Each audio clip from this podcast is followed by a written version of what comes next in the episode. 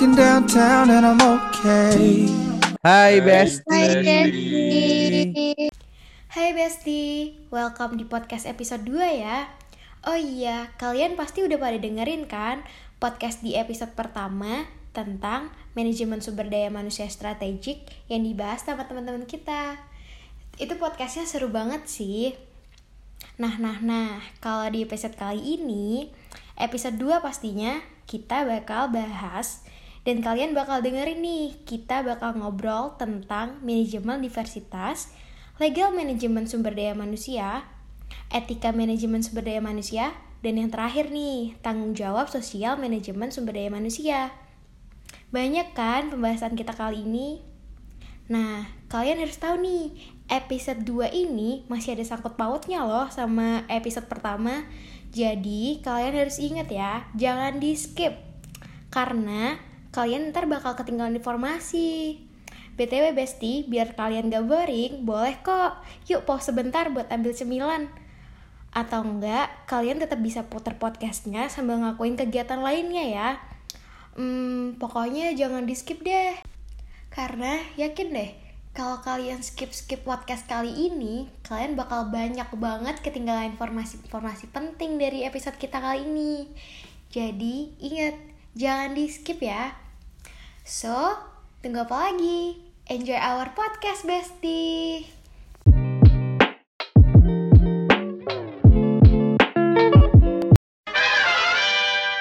Selamat pagi, siang, sore, malam bagi yang mendengarkan podcast kami. Apa kabar semuanya? Semoga baik ya.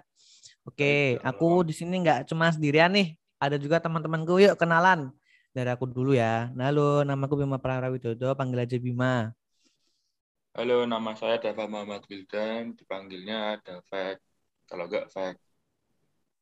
Hai, aku Nia Agustin, biasa dipanggilnya. Halo, aku Calia, biasa dipanggil Cal. Nah, udah pada tahu kan? By the way, gimana nih guys kabar kalian? Terus kita kan masih kuliah online ya.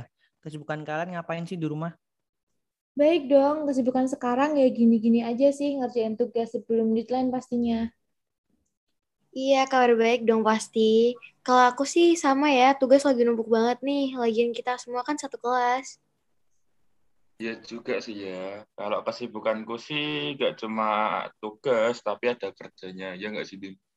Yo, efek. Eh, tapi desa ada tetangga nih. Kampus Udinus kita ini mau offline loh guys. Iya tahu, itu beneran gak sih infonya? Kalau beneran seru banget gak sih pastinya? Pastinya, Cal. Oh iya, biar kita bisa cepet offline buat kalian yang belum ngisi forum vaksinasi, ayo ngisi dulu dong. Oke, aku mau tanya dong, forumnya bisa diakses lewat mana sih? Linknya di share lewat broadcast ke teman-teman atau juga bisa kunjungi yuk official Dinus. Yuk langsung terus biar kita bisa cepat tetap muka langsung. Biar bisa saling kenal. Iya, biar bisa pakai fasilitas kampus nggak sih? Iya, pengen banget deh main-main kalau lagi nggak ada kelas di rooftopnya. Boleh-boleh tuh, Cal. Oh iya, tapi tetap mematuhi protokol kesehatan ya guys. Oke guys. Pasti dong. Nah, langsung masuk ke pembahasan pertama. Pembahasan pertama kita ada manajemen diversitas. Nah, salah satu teman aku kebetulan habis baca-baca tentang manajemen diversitas nih. Coba dong jelasin sebenarnya apa sih manajemen diversitas itu? Oke, kita bahas ya manajemen diversitas di sini. Manajemen diversitas sendiri semacam sebuah cara memanajemen suatu organisasi yang penerapannya itu sangat terorganisir. Terorganisir? Terorganisir yang seperti apa nih? Pasti yang lagi dengerin juga pada kepo dong. Terorganisir itu dengan menerapkan sistem-sistem dan praktek-praktek organisasional kan sesuai nih sama tujuan dari manajemen diversitas sendiri adalah untuk memaksimalkan potensi keuntungan sekaligus mereduksi seminimal mungkin kerugiannya. Oke, baik. Aku mau nanya nih, waktu itu kan aku sempat baca ya, ada salah satu buku cocok kalau nggak salah. Terus ada pernyataan gini nih, organisasi akan menjelma sebagai organisasi multikultural. Hanya jika organisasi itu dapat memberi nilai pada keragaman budaya yang ada di dalamnya. Nah, Apa sih multikultural itu? Iya, benar banget. Nah, aku jawab ya, multikultural sendiri adalah sebuah proses yang mengakui dan memahami akan adanya sebuah perbedaan.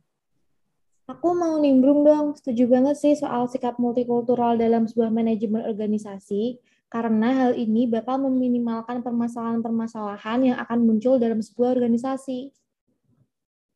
Iya, benar banget. Oh, setelah kita membahas tujuan nih, kira-kira apa aja sih yang bisa kita lakuin biar bisa mencapai tujuan sebuah organisasi? Nah, itu dia poin pentingnya di sini. Aku sebutin ya, ada tiga nih. Yang pertama tujuan moral, kewajiban resmi, dan yang terakhir ada tujuan kerja dalam konteks ekonomi. Oke, ada tiga nih. Tapi kan nggak mungkin dong kita cuma butuh penjelasan kayak gitu. Pastinya pendengar pada mau tahu nih kira-kira gimana sih proses penerapannya dalam kerja langsung. Ya boleh dong dijelasin kira-kira kayak gimana sih? Oke, bakal coba aku jelasin ya. Singkatnya gini nih. Pertama-tama unsur-unsurnya harus selalu kita perhatikan. Tapi nggak lupa juga dengan etika dan tanggung jawabnya. Iya, aku setuju. Tanggung jawab dan etika adalah yang utama pasti dalam keprofesionalitas kita dalam bekerja. Benar banget. Ini ya, kalau misal sebuah perusahaan ada tawaran bekerja sama dengan perusahaan lain dan menemukan suatu kesepakatan kedua belah pihak, lalu mendiskusikannya dengan rekan-rekan, yang paling penting itu adalah waktu. Coba dong jelasin juga kenapa waktu benar-benar penting. Boleh-boleh. Gini, di dalam sebuah kerjasama akan tetap adanya analisis waktu. Ini untuk mencari waktu kapan yang paling baik untuk deadline-nya. Suatu produk akan launching, ataupun kerjasama yang lain pasti akan terpacu dengan adanya waktu. Jadi waktu di sini perannya benar-benar sakral ya. Bener banget. Oh iya, buat unsur yang tadi, sehabis kita lihat waktu, kita juga harus selalu berkomunikasi nih sama rekan-rekan kita untuk menghasilkan suatu tujuan yang membuat perusahaan maupun organisasi puas. Oke, terima kasih penjelasannya dari teman kita Mbak Nia Agustin. Semoga kita bisa menambah ilmu ya buat teman-teman juga yang lagi dengerin. Pastinya. Sambil. Iya, sama-sama guys. Di sini aku kurang banget nih.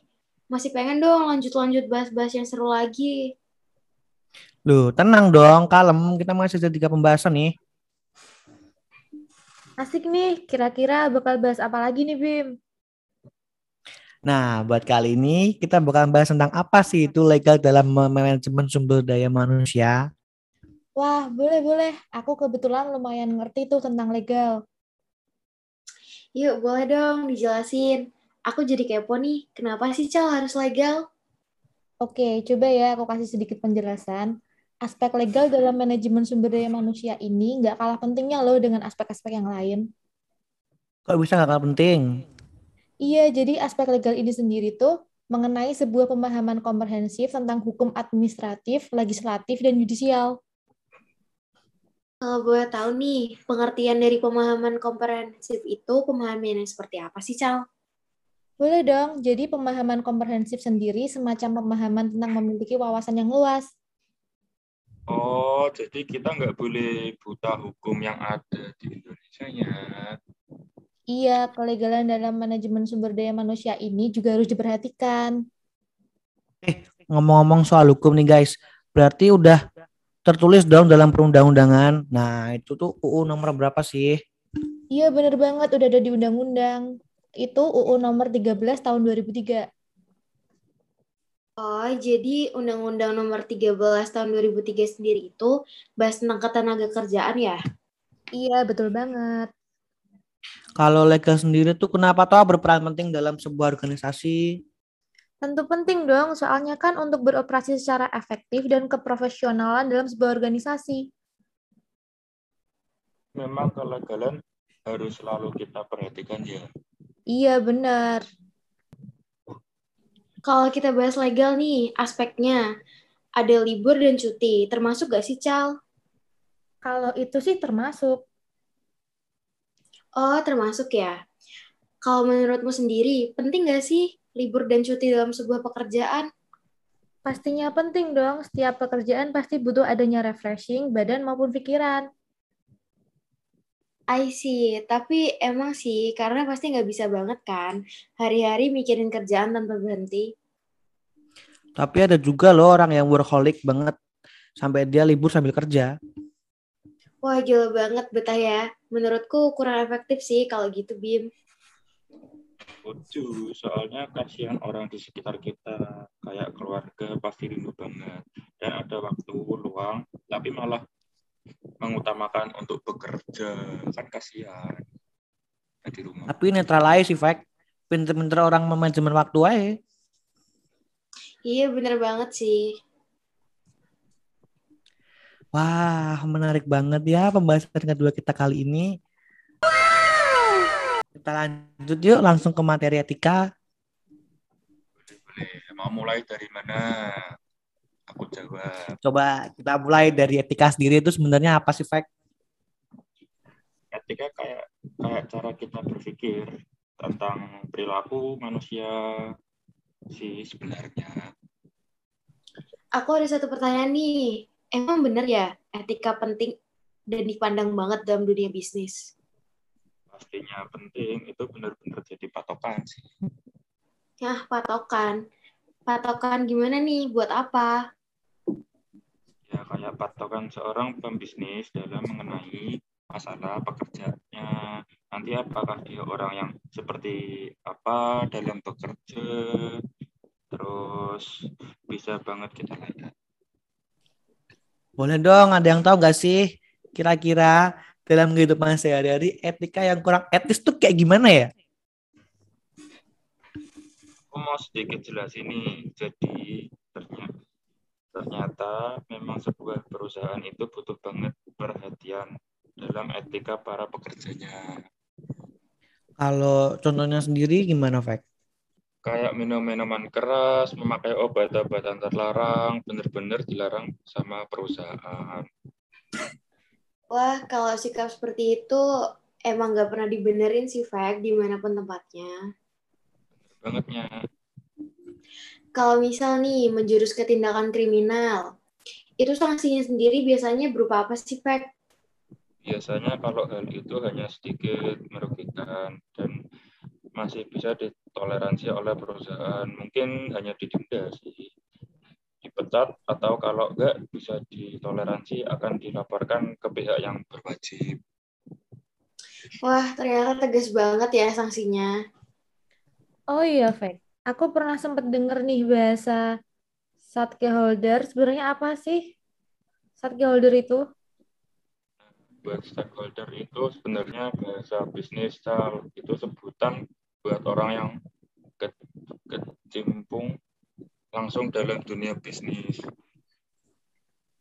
Oh, jadi hanya panggilan untuk orang yang join bisnis ya? Ya, benar banget, Cal. Kalau manfaat etika dalam manajemen sumber daya manusia itu kayak gimana toh?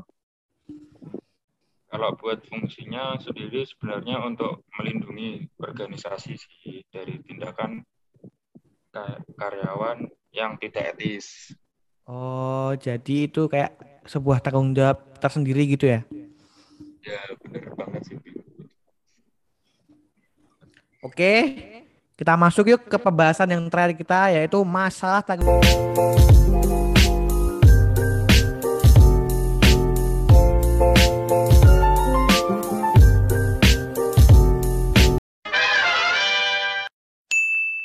masalah tanggung jawab sosial dalam manajemen sumber daya manusia. Boleh tuh, Bim. Eh, aku mau tanya nih, tanggung jawab sosial tuh tanggung jawab yang kayak apa sih? Eh, sebelumnya makasih buat Mas Defek. Tanggung jawab sosial sendiri tuh kayak menangani sebuah menangani berbagai masalah yang dalam yang ada di dalam lingkup perusahaan sih. Jadi sebenarnya sakral juga ya tanggung jawab sosial ini. Iya sakral dong. Soalnya kan kalau nggak ada tanggung jawab sosial, misal ada masalah, bakal susah banget buat cari jalan keluarnya. Kalau buat kontribusinya sendiri nih, Bim, tanggung jawab sosial ini ngasih apa ke perusahaan? Kontribusi ya, pencapaian efektivitas efektivitas organisasi terjaga agar tujuan sesuai deadline. Oh iya, boleh tanya dong Bim, kalau tujuan fungsi sendiri itu ditunjukkan untuk apa sih Bim? Jadi gini fact, tujuan fungsional tuh sebenarnya buat mempertahankan kontribusi departemen. Nah, Bim, kalau personal itu ditujukan untuk karyawan aja atau untuk semua staff ya, kayak manajemen dan lain-lain? Eh, cuman buat karyawan, Cal. Fungsinya sendiri buat apa sih Bim? Eh, buat bantu karyawan dalam pencapaian tujuannya. Oh iya, Bim. Tadi kan bilang nih, dalam pencapaian tujuan. Tujuan yang dicapai itu tujuannya seperti apa sih? Kayak misal harus dipertimbangkan, dipensiunkan, atau dimotivasi. Oh, jadi ternyata masih ada pertimbangannya ya? Kira langsung Iya. dikasih sanksi gitu. Enggak, dipertimbangkan dulu lah.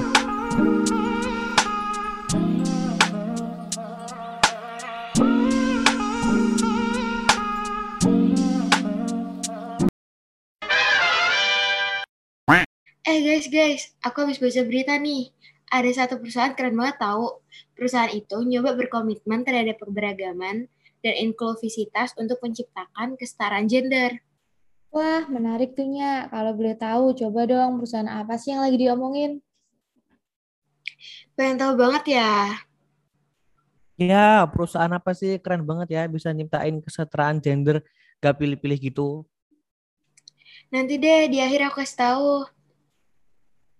Keterangan gender, kok bisa ya perusahaan itu? Em, kalau setahu sih ya, karena memang perusahaan ini memulai untuk program Women in Engineering, Leadership Fellowship, atau biasanya itu disingkat WOLF. Wah, keren banget sih. Iya, jadi pada tahu nggak sih kenapa perusahaan ini memulai program itu? Nah, apa tuh, Nya? Apa tuh? Jadi sih ya, perusahaan ini tuh di bidang teknik kan.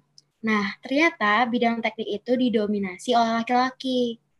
Nah, si perusahaan ini ingin membuka peluang untuk perempuan di Indonesia yang berkarir di bidang teknik. Wih, mantep banget tuh. Ayo spill dong perusahaannya apa namanya? Oke, aku spill ya. Perusahaan ini adalah Unilever. Pasti pada tahu kan? Oh, tahu dong. Jadi, sekarang tahu kan, guys sepenting apa manajemen diversitas dalam sebuah perusahaan. Tahu Kayak dong. program kerjanya, hal lainnya selalu dipertahankan agar perusahaan selalu maju. Kalau tadi kita bahas tentang perusahaan yang semakin maju nih. Aku ada juga ada dua perusahaan yang tapi ini salah banget sih. Salah gimana, hei? Iya, Cal. Salah gimana sih? Iya, jadi perusahaan ini kayak ngeluarin investasi ilegal gitu. Wah, wah, enggak bener, enggak bener, enggak bener. Wah, enggak bener ini. Terus sekarang kira-kira si dua perusahaan tadi udah ditutup belum? Udah, dan kalian harus tahu izin usahanya dicabut. Nah, bagus tuh biar kedua perusahaan itu jerah. Lagian perbuatannya kan ilegal. Iya, bener banget. Cal, aku jadi kepo. Itu perusahaan apa sih? Boleh-boleh. Jadi ini tuh PT Loket Mandiri sama PT Indonesia Mandiri, Besti. Nah, kan, jadi buat semua yang lagi dengerin nih podcast kita, ingat ya, kelegalan tuh penting banget. Jadi jangan sampai menyalahgunakan. Ya, boleh ya, guys. Guys, aku baca berita nih. Katanya Bu Heri juga lagi buka lowongan kandidat bertalenta gitu tahu. Berarti mirip kayak MSDM gak sih? Iya, Bim, termasuk tuh. Gimana? Kasih tahu dong. Bahas Bim. Wah, penasaran sih gimana nya. Nah, jadi perusahaan ini tuh punya program seleksi gitu namanya BLFP atau bisa disebut juga Brilliant Future Leading Program. Program BLFP itu kayak gimana sih? Jadi itu kayak rekrutmen sekaligus pendidikan yang dibuka bu- dibuka sama BRI buat kandidat masa depan gitu sih kat- kata artikel yang gue baca. Seleksinya itu kayak gimana sih, Bim? Kayak wawancara atau gimana? Jadi seleksinya tuh ketat, terukur, sama harus punya pendidikan yang mumpuni biar bisa dapetin kandidat-kandidat berkualitas. Berarti ada saran syaratnya ya apa aja sih syaratnya kalau mau ikut programnya BLFP? Nah, seleksi ini tuh cuma bisa diikuti sama lulusan pegawai S1 atau S2 dari universitas terkemuka. Terus harus punya IPK di atas 3 buat S1. Buat S2, Wow. IPK harus di atas 3,25. Itu yang pertama. Terus ada lagi yang kedua nih, S1 usia, Wow. usia maksimal 25 tahun. Terus buat S2 usia maksimalnya 27 tahun. Wah, carinya yang berkualitas banget ya IPK-nya, lumayan tinggi. Berkualitas banget tuh. Berkualitas Oh banget. iya, Bim. Terus kalau udah memenuhi syarat nih, lanjut ke mana? Nanti dibagi jadi dua jalur. Ada jalur BLPF General sama BLPF IT. Jelasin dong BLFP General sama BLFP IT apa bedanya? Mulai dari BLFP General dulu ya. Jadi BLFP General itu proses seleksi kandidat pemimpin BRI di masa depan yang dibuka bagi seluruh lulusan fakultas universitas terkemuka di Indonesia. Kalau BLFP IT itu jalur seleksi khusus untuk alumni fakultas jurusan teknik informatika, elektro, telekomunikasi, sistem informasi, ilmu komputer, teknik jaringan. Gimana udah pada tahu kan bedanya? Oke, aku mau tanya deh, misal ya, udah jadi pegawai nih, ada manfaatnya nggak sih? Ada dong menurut artikel yang tak baca ya di antaranya. Yang pertama dapat uang saku tiap bulan sama dapat kesempatan fast track karir. Terus selama pendidikan di BRI peserta BLFP diberikan bekal kayak pengetahuan perbankan secara umum gitu sama pengetahuan BRI Group secara khusus. Terus mereka juga bisa praktek langsung lewat program on job training atau bisa disebut juga OJT. Gimana banyak kan? Wah, iya sih, banyak banget. Menjamin menjanjikan ya. Iya deh, jadi pengen jadi pegawai bank, tapi harus selesaiin jenjang kuliah dulu kita, Besti. Oh iya guys, aku hampir lu- aja lupa nih. Aku mau tanya sama kalian dong. Dari pembahasan tadi apa sih kesimpulan yang bisa kita ambil? Nah, iya, kesimpulan yang bisa kita ambil itu yang pertama, itu sangat berpengaruh positif terhadap kinerja. Berarti pelatihan yang dilakukan pegawai ditujukan untuk pengembangan dan meningkatkan kompetensi dan juga profesionalitas dalam melaksanakan tugas. Bener banget tuh, aku mau nambahin dong, selain berpengaruh positif, bisa juga berpengaruh negatif loh. Itu Cal, pengaruh negatifnya. Mau tahu dong? Jadi, pendidikan berpengaruh negatif terhadap kinerja. Hal ini berarti bahwa keberhasilan karyawan ditentukan oleh kinerja yang dihasilkan karyawan dalam melaksanakan tugas yang dilakukan dilihat dari pendidikan. Oh, jadi gitu ya, Cal. Iya, fact. Nah, kamu sendiri nih, Fek, mau ngasih kesimpulan nggak? Boleh-boleh, aku juga mau kasih kesimpulan juga nih. Pembinaan berpengaruh negatif terhadap kinerja juga loh. Hal ini menunjukkan bahwa hasil kerja yang dapat dicapai oleh seorang atau sekelompok orang dalam organisasi sesuai sesuai dengan kewang- kewenangan dan tanggung jawab masing-masing dan upaya mencapai tujuan organisasi. Oke, baik.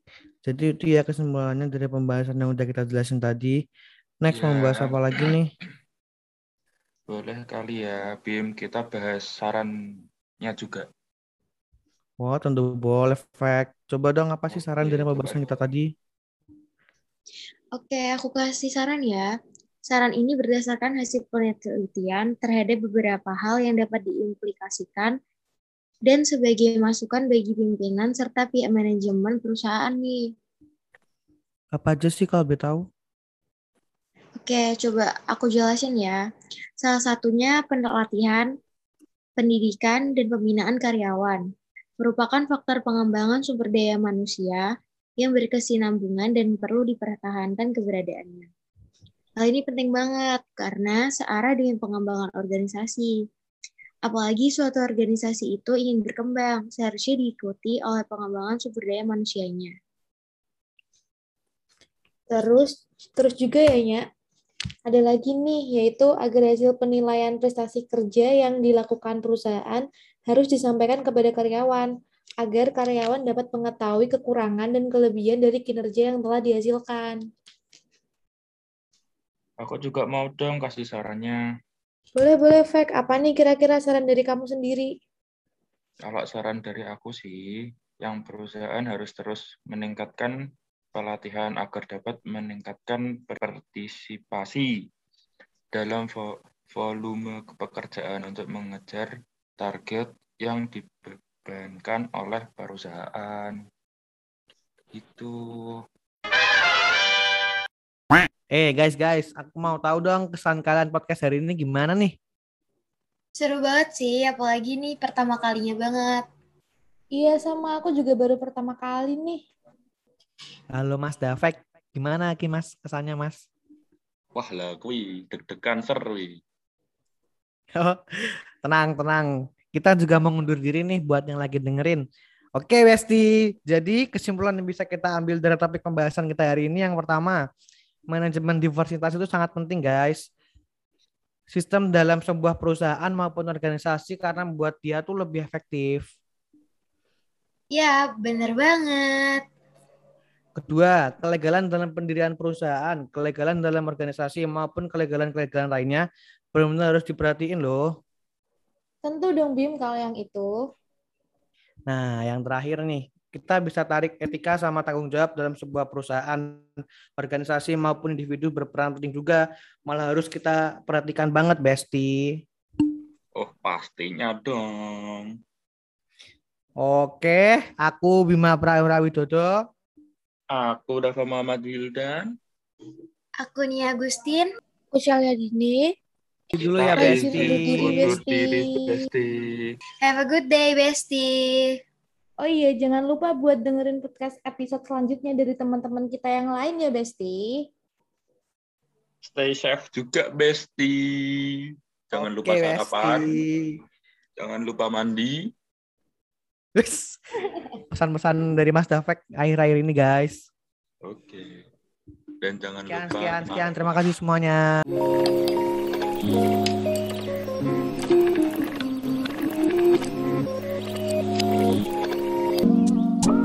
Walking downtown and I'm okay. He's got it all figured out. It's what they all say, yeah.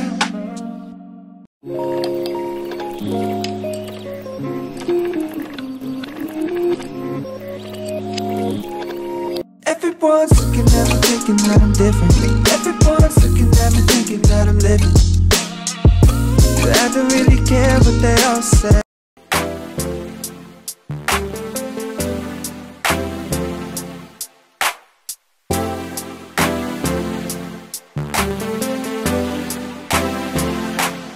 Can we just talk? Can we just talk? Talk about where we're going before we get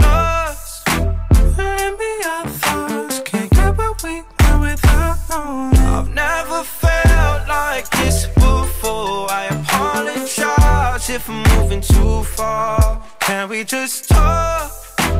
Can we just talk? Figure out where we're growing. Yeah. Started off right, I can see it in your eyes. I can tell that you wanting more. What's been on your mind? There's no reason we should hide. Tell me something I ain't heard before. Oh, I've been dreaming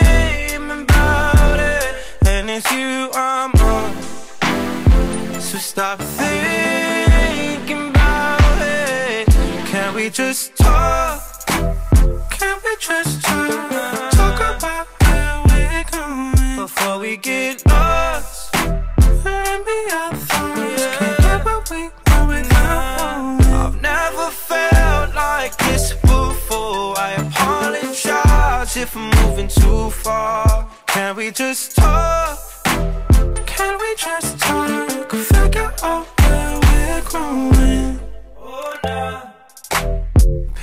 Out a few, left some flowers in the room. I make sure.